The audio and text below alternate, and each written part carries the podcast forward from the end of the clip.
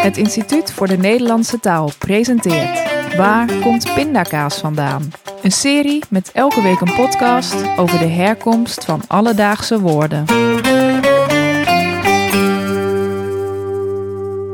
Tussen de middag is het tijd voor de lunch. En in tegenstelling tot veel andere landen is in Nederland de warme lunch niet zo ingeburgerd.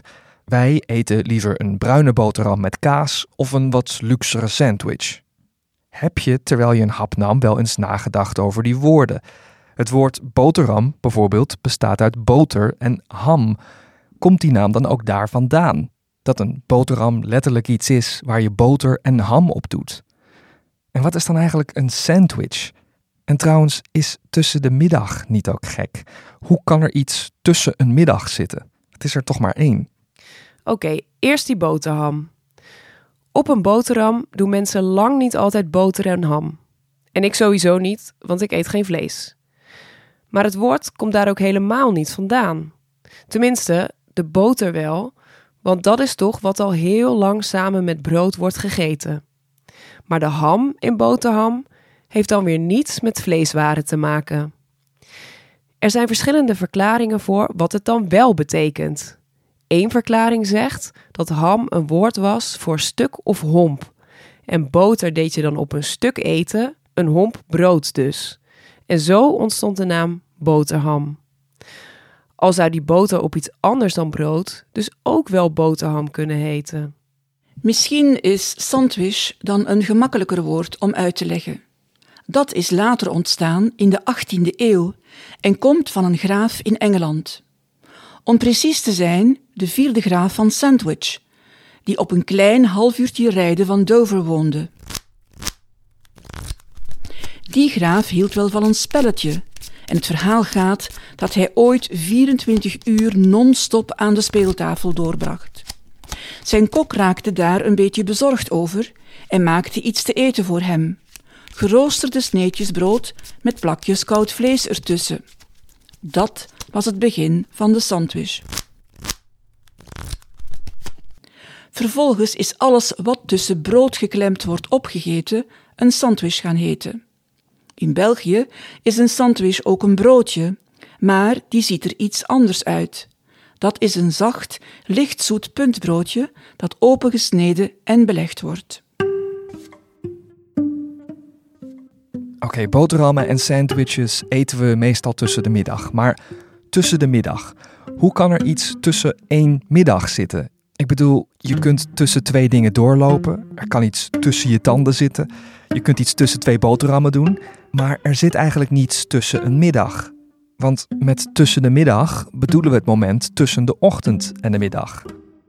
Nou, het zit zo. Tussen kon vroeger ook nog iets anders betekenen, namelijk gedurende of tijdens. Het woordenboek der Nederlandse taal geeft een voorbeeld uit de 16e eeuw. Tussen dien tijd, waarmee bedoeld werd gedurende die tijd. En die betekenis zit nog altijd in tussen de middag, tijdens of gedurende het middaguur dus. Ook hier doen we het in België anders. Middag betekent daar nog altijd het midden van de dag, dus van 12 tot 2. De periode voor dat moment, dus het einde van de ochtend, noemen we voormiddag. En de namiddag is de periode na de lunch. Terwijl Nederlanders met de namiddag juist het einde van de middag bedoelen, van 4 tot 6. Dus let op als je een vrijdagmiddagborrel organiseert en Vlamingen uitnodigt. Om nog even terug te komen op de lunch. Veel mensen smeren nu niet meer elke dag boter op hun brood, maar margarine. Dat is kunstboter gemaakt van plantaardige oliën en vetten in plaats van zuivel. Margarine is ook een leuk woord. Voor de herkomst ervan moeten we terug naar het jaar 1813. Toen produceerde een Franse scheikundige een soort vet dat hij vanwege de parelachtige kleur margarine noemde. Margaron is namelijk het Griekse woord voor parel. Vandaar. Ruim 50 jaar later gebruikte een andere Franse chemicus hetzelfde vet om er een alternatief voor boter van te maken. Hij noemde het oleomargarine, waarin het woord oleo staat voor olie. En later raakte dat ingeburgerd als margarine. En het oorspronkelijke Griekse woord is ook terechtgekomen in de cocktail margarita. maar dan via een heel andere route. Deze Mexicaanse cocktail bestaat uit tequila, sinaasappellikeur en limoensap en wordt gedronken uit een glas met een zoutrandje. En die cocktail is genoemd naar de uit het Latijn afkomstige vrouwennaam Margarita. En die naam betekent ook parel en vindt dus net als het woord margarine zijn oorsprong in het Griekse margaron. Er zijn zeker vier Mexicaanse barkeepers die claimen de margarita te hebben uitgevonden. Maar ja, dan hebben ze dus alle vier dat drankje vernoemd naar een vrouw met de naam Margarita. Dat is wel heel toevallig. Hetzelfde geldt ook voor de club sandwich. Dat is zeg maar de overtreffende trap van de gewone sandwich met meerdere lagen beleg en brood. Er zijn in Amerika meerdere clubs, wat hier vroeger een sociëteit heette, die zeggen bekend te zijn geworden om de sandwich die ze in hun club serveerden. De club sandwich dus.